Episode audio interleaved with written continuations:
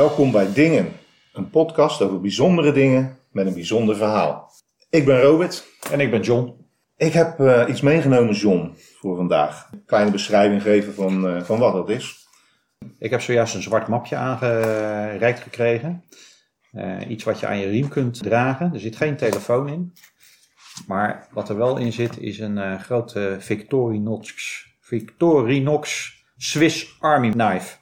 Je herkent het wel gelijk, hè? Ja, ik herken het onmiddellijk, want ik heb er zelf ook zo eentje. Eh, alleen veel kleiner, niet zo zeg maar uitgebreid als deze. Dit is echt wel eh, mooi. Ik zit, volgens mij zit er ook een slotje op, zo te zien. Wat ik altijd fantastisch vind aan die dingen, maar dat mag jij straks vertellen. Ik wil ook geen gras voor je voeten Nee, weggooien. dat geeft maar niks. eh, Kijk dit, maar. dit, dit soort dingen vind ik echt fantastisch. Een kurkentrekker, waar je, een, eh, waar je zeg maar een schroevendraaier in kunt zetten, waar je dan je bril mee kan repareren. Nou ja, precies, geweldig man. precies. Echt, Victorinox is de original Swiss Army knife. En Wegener, of Wenger, wat, wat zeg maar in, ehm, eh, ook in, uit Zwitserland komt, dat was de authentic, of de genuine. En op een gegeven moment hebben ze allebei, het Zwitserse leger heeft ze allebei eh, eh, 50% afname eh, contract gegeven. Maar ze zijn uiteindelijk in 2005 eh, samengegaan. 1896 is de allereerste gemaakt door meneer eh, Karl Elzener. En Karl Elzener die, die, ehm, die maakte een, eh, zijn allereerste versie. En daar had hij, dat was eigenlijk voor, voor, voor officieren uit het Zwitserse leger. Die eh, hun geweer moesten repareren mhm. en hun blikjes moesten openen. En iets moesten kunnen snijden. En die drie dingen die zaten er eigenlijk vanaf de allereerste keer op. Een paar jaar later kwam hij met een volgende versie en daar had hij bijgezet de kurkentrekker.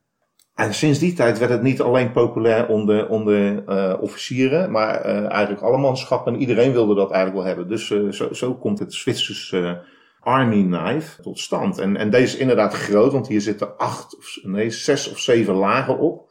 Ja, dat is wel een joekel hoor, die jij hebt. Echt, Ja, en weet je is? Kijk, het ding is 20 jaar oud, denk ik. Mhm. Want ik heb hem al heel lang en hij is gewoon nog als nieuw. Een tang zit erin. Een eh flessenopener op.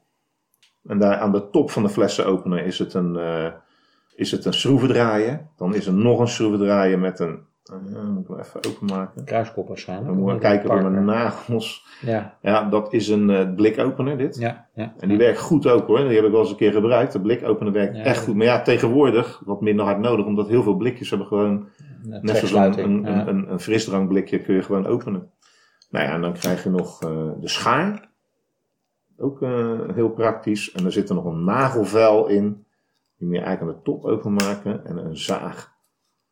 En toen ik dat allemaal open had. En ik van de week even voor het eerst naar zat te kijken. Toen dacht ik bij mezelf, wat mis ik nou eigenlijk op dat ding?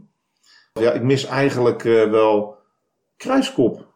Maar die zitten erachter. Ik Ja. heb nog nooit zo ver gaan. Want ik, kijk, als je, als je dat ding gebruikt dan doe je alleen maar die dingen gebruiken die je nodig hebt. Maar, Mhm. maar daarachter zitten dus de kruiskoppen.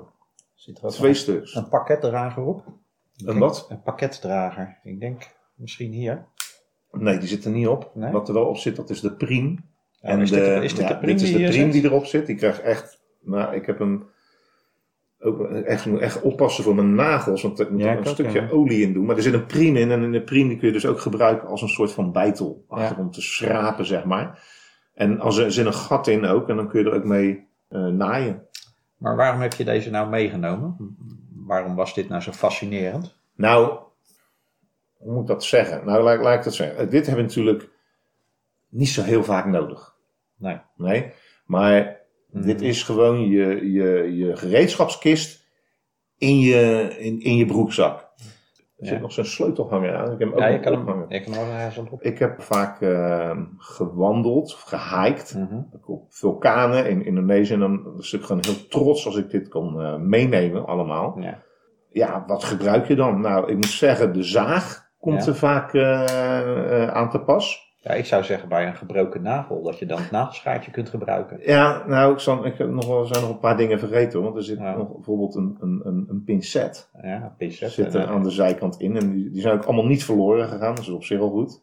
En er zit aan de andere kant nog een, eh, een eh, tandenstook. Weet je waar die nog meer als standaard equipment gebruikt wordt?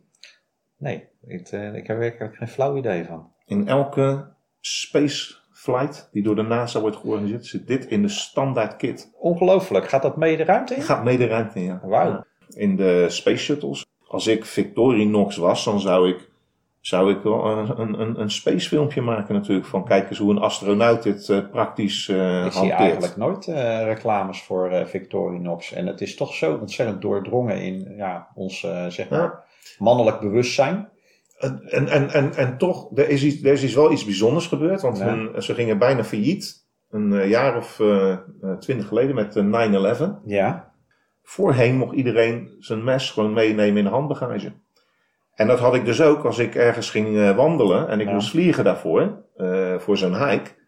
Ja, dan moet je dus eigenlijk in ruim bagage. Maar als je natuurlijk voor een weekend gaat wandelen, dan neem je liever geen grote koffer mee. Neem je alleen maar Ja. je handbagage mee. Dan mag deze dus niet meer mee. Ja. En daardoor zijn hun verkopen enorm ingestort. Als soort remedie zijn ze andere dingen gaan maken, zoals Mhm. wat stoere kleding en kaarthouders voor pasjes en eh, wat handige tools. ja, ik bedenk opeens dat mijn zoon heeft ook een, eh, een Swiss Army knife. En dat hebben we uit ook. Oostenrijk, hè? Zit Ja, nou, dit, we, hebben hem, eh, we hebben dat in zijn jeugd gegeven. Iets als, even als bewijs dat het echt wel een, een, een jongens- of mannen dingetje is. Als jongen wilde ik altijd heel graag een, eh, zo'n, zo'n Swiss Army knife met zoveel mogelijk functies eh, hebben. Degene die ik heb, die is iets kleiner. Die heeft de zaag, de schaar.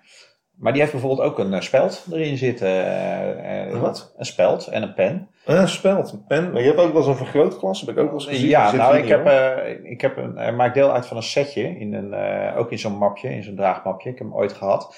En daar zat ook nog een miniatuur MacLight in, met oude, echt met een lampje nog, met een halogeenlampje erin. Ja, En Die ben ik verloren tijdens eh, Down the Rabbit Hole, toen, wij, eh, toen ik die aan je liet zien. Oh. Ja. oké. En eh, daarnaast had ik ook nog een kompas en een temperatuurmeter en een... en een, en, En een condoom. Zat erin. Wauw. Nou, mooi hoor, ja. Weet je trouwens waar Victorinox vandaan komt, de naam? Nee, Want weet je wat ik nou altijd dacht? nee. vroeger, dat het, dat het net zoiets als Asterix en Obelix en Panoramix en een Gallisch, Gallisch woord of zo. Maar Maar je dacht dat het door Goscinny verzonnen was. eh, het is Victorinox. ja, Hij zei Ox, dus ook geen X. nee. Ehm, dat is, dat is ehm, hij vernoemde het bedrijf, die, die Karel W. Elzener, die vernoemde het bedrijf naar zijn moeder. Ja. Nadat hij eerst het mes gemaakt had, later op die bedrijf gestart. En toen noemde hij het eh, Victoria, want dat was de naam van zijn moeder. Ja. Maar hij noemde het in de jaren 20 ergens op die bedrijfsnaam veranderd naar Victorinox, omdat inox is de internationale afkorting voor roestvrij staal. Ja. En dat is het enige wat hij gebruikt. Heeft hij dat bij elkaar geduid en eh, zo, zo is het eigenlijk eh, Victorinox geworden. En ik denk, dat is wel grappig wat jij net zegt, want dat is waar. Je ziet geen enkele reclame, Hm. maar toch kent iedereen het. Ja. Ja, wat ik, ik denk dat, elke, dat zij zoiets zouden kunnen zeggen. Onze slogan is, elke man op aarde moet eigenlijk een Victorinox zakmes hebben met eh, multifunctionaliteit. Ik denk dat ik eh, daar heel erg eh, voor voel. Was dit het signaal voor het einde van deze het oefening? signaal voor ons switch en het signaal voor jou om je telefoon op te zoeken en dat ding zijn eh, Oh, was die van mij? draaien. Ja. Echt. nou, dan, eh, dan eh, nou, kom jij maar met je ding.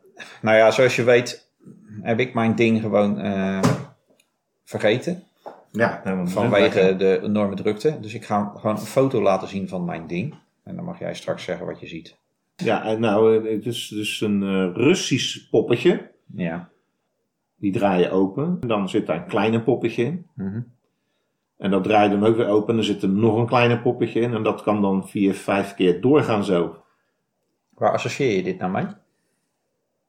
Heel Eh, erg. met Rusland. Met Rusland. Ja, ja ik, ik, weet eh, niet waarom eigenlijk hoor. Maar ik, ik, ik, eh, ik ben wel eens in Rusland geweest. Ik moet niet zeggen dat ik ze daar dan zag. Dat, dat dan ook weer niet. Maar Deze dingen die heten matroska. Matroeska. Matrushka. Matroeska poppen. Het is zo doorgedrongen in het bewustzijn. Dat iedereen eigenlijk dit eh, associeert met Rusland. Ja, En, Typisch. Ja, heel typisch. En ik, ik weet nog nog te herinneren, ik ging eh, naar Kiev. En eigenlijk is dat niet meer een deel van Rusland. Het is een deel eh, van de Oekraïne tegenwoordig. En ik moest een, eh, ja, een souvenir meenemen voor de familie. En ik dacht, wat zal ik nou eens meenemen? En het eerste wat ik dacht was een matroeska. Eh, en kon je het ook vinden daar? Was het ook... Met gemak. Oké. tientallen matroska soorten matroska poppen in allerlei folkloristische uitdossing. Hoe oud denk je nou werkelijk dat die traditie is? Nou, als je het op zo'n geheimzinnige manier eh, vraagt, dan eh, denk ik gelijk in eeuwen in plaats van in jaren natuurlijk. Dus het zal best wel heel oud zijn, denk ik. Ik denk dat het wel heel oud is. Ik, ik, ik zeg gewoon 800 jaar. 800 jaar. Eh, je zal straks zien dat je er niet zo ver naast zit, maar niet uit Rusland. In feite, de allereerste matroska pop Ja. werd gemaakt in twee jaar na het eerste Victorinox eh, mes. In 1898, Echt waar? serieus, in 1898 Jezus. werd de allereerste matroska eh, gedraaid. En Wat dat, eh, tegenvaller eigenlijk. dat, Dat was Dat was voor eh, mij ook, want ik, ik dacht ook van, nou, ik eh, ga een ding kiezen en daar kan ik zeg maar even de, het verleden bij in. Ja, En tot mijn ja, niet geringe verbazing, en ik denk van de meeste mensen wel, kwam ik erachter dat dit ding helemaal niet zo oud is. maar daar heb ik een vraag. Wat, wat betekent dat matroes, matroeska dan? Is dat de naam van de ontwerper dan? Want nu denken mensen, er is een ontwerper. Ja, er is een ontwerper. Eh, laat ik daar dan maar beginnen. Eh, in de jaren 1800, 1900 eh, was er een, een opleving van de Russische folklore. De Russen dachten bij zichzelf, wat is onze identiteit? Onze identiteit gaat verloren. We moeten er wat aan doen. We worden overgenomen door het Westen. Laten we kijken naar wat we zelf hebben. Er ontstonden dus zeg maar gemeenschappen waar eh, kunstenaars bij elkaar kwamen eh, om ja, hun kunsten eh, Ja. eigenlijk terug te kijken naar het folklorisme van Rusland. Om daarmee ja, een, een traditie weer te vormen. Iets ten noorden van Moskou was een dorpje. En dat dorpje, dat, daar, zaten die, daar zaten die kunst, kunstenaars bij elkaar. En er was natuurlijk ook een mecenas bij. Een, een van de eerste oligarchen van, van Rusland. Die had daar een, een estate, een, een groot landgoed, Dacia. Ja, waar die al die kunstenaars bij elkaar had verzameld. En eh, ja, die dan op zijn kosten lekker bezig waren om de folklore van, eh, van Rusland opnieuw eh, uit ja. te vinden. En ehm een van die kunstenaars, dat was eh Sergei Maljutin, dat was een schilder. En die zag daar een poppetje, een uitschuifpoppetje. Dat uitschuifpoppetje, of die nested, die nested dol, die inspireerde hem om de nest, het eerste Russische nested dol te gaan maken. Het Ja. was een Japans uitschuifpoppetje. Nou, Uit. Japan, uit Honshu. Oké. En wat het voorstelde was de god van het geluk. Die bestond uit, eigenlijk uit zeven aspecten. En dat waren ook eigenlijk zeven eh, in elkaar geneste figuren. En daardoor geïnspireerd eh, dacht hij bij zichzelf, ik ga er ook één maken. En hij begon met een buitenbeschildering van een boerenmeisje. Met een, eh, met een zwarte gans onder de arm. Ja. En ze maakten, in feite maakten ze de zeven. En hij liet dat door een houtdraaier eh, maken. Dat is, eh, die heeft echt een hele moeilijke, eh, een hele moeilijke naam. Jules Doskin. Eh, het is een Z-V-Y-O-Z Doskin. Nou ja, het is wel goed gedocumenteerd in ieder geval. Het Dat is een, elke naam komt erbij nu. Dat was de houtvrezer. Dat was inderdaad de houtdraaier die hem, eh, die hem uitdraaide. Die dus zeg maar de eerste Matrushka pop uitgedraaid heeft. Maar heel veel mensen kennen het ook als de babushka. De babushka. eh, en babushka betekent grootmoedertje. En het gekke is, je zou In welke taal betekent dat? In Rusland. Oké, Je zou ik, ik springt ineens een liedje in mijn hoofd van Babushka, Babushka Ja, van, van eh, Kate, Kate Bushka. Kate Babushka. Kate Babushka. ja, Maar Ja. nou blijkt dus dat het helemaal niet zijn roots in Rusland heeft. nee, het komt uit Japan. Ook niet. Het komt uit China. Made in China. Ja, al- alweer. Maar ietsje eerder. Want het blijkt dat die Japanners geïnspireerd werden door de houtdraaiers eh, en, en, en de kistenmakers uit China. Die al in 1100, tijdens eh, de Song-dynastie, deze, eh, deze poppetjes maakten. En vaak in, in dit geval eh, goden, maar vaak ook kistjes. En dat waren kistjes in kistjes in kistjes. Ja, dat heb ik wel, ook wel eens gezien ergens. Uitstekend, ja. Ja. En uiteindelijk het kleinste wat er dan in zat, dat was eh, zeg maar een, een die netjes was eh gekalligrafeerd. Dus ja, dat is ontzettend gaaf dat het inderdaad, je zat er niet eens zo ver vanaf, het heeft 800, 900 jaar historie. Het mooie is dat ze zijn, zijn vrouw, of eigenlijk de vrouw van zijn broer, ging eh, in 1900, dus twee jaar nadat de eerste Matroska pop was gemaakt, met de Matroska pop naar de wereldexpositie in Parijs en won daar een bronzen medaille. Men zag dat en het werd een rage. Dus ze kregen ook allerlei orders van, doe mij Matroeska poppetjes. Ja, die waren ineens helemaal druk bezig met alleen nog maar Matroeska poppetjes te maken. Maken. Mooie vind ik dat eh, de Russen eigenlijk het patent hebben op de Matroeska pop. Gejat hebben van de Japanners. De Japanners gejat van de Chinezen. En nu alle Matroeska poppetjes bijna weer in China gemaakt China worden. gemaakt worden, ja precies. Ja, daarom dus. Zo ontzettend veel. Want je hebt hele grote eh Matroeska poppen. Je hebt, nou, we hebben het net gezien, Star Wars Matroeska poppen. Eh, Ja, en het, het, het dient toch helemaal geen enkel doel. nee. Het is eigenlijk gewoon een soort van, misschien wel speelgoedachtig iets voor kinderen. Die, denken, die vinden dat Ja. leuk natuurlijk. Ja. Van, goh, nou wat komt er nu Maar, uit maar dan? vroeger, als we gaan teruggaan naar Japan, eh, dan had het wel een zeker doel. En dan had dus inderdaad die zeven eh, goden had je erin eh, in zitten. Die, die, die goden van wijsheid en goden van eh, geluk. Maar die waren weer geïnspireerd op een ander poppetje. Dat was een Daruma pop. En de Daruma pop was ook een poppetje wat genest was in elkaar. Dat poppetje was echt geïnspireerd op de eerste zen-boeddhist. Op de Bodhidharma. Oké. En je weet dat hij heeft eh, eh, zeg maar negen jaar naar een muur zitten kijken en zitten mediteren totdat zijn armen en benen eraf vielen. En daarom maakten ze de poppetjes ook in de vorm van een ei. Ja. Zonder armen, zonder benen. En dan kon je hem eruit halen en dan zat er weer een ander eh, zen poppetje in. Als een soort van zes, zeven verlichtingen. Het had dus een spirituele nee. eh, bedoeling. Nou, jammer, jammer dat je het niet meegenomen hebt. Ik, ik zie ze bijna nooit meer. Ik Nee. vind het wel tijd voor een revival, wat dat betreft. Maar in China is er gewoon een enorme industrie. En daar kun je ze op allerlei manieren bestellen. Dus Star Wars of met eh, rocksterren erop. Maar je kan hem ook gewoon blanco laten komen. En dan gewoon thuis lekker eh, beschilderen.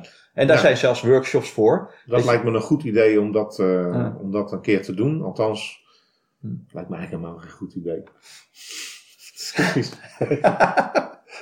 niet, echt, niet echt mijn ding, om het zo te zeggen. Maar ik vind het wel interessant om te horen dat de babushka pop dus eh, niet uit eh, Rusland, eh, nog Japan, maar eigenlijk uit China komt. En, en nu nog steeds. Dus we zijn eigenlijk terug bij af. En daarmee volgens mij ook eh, onze eerste podcast.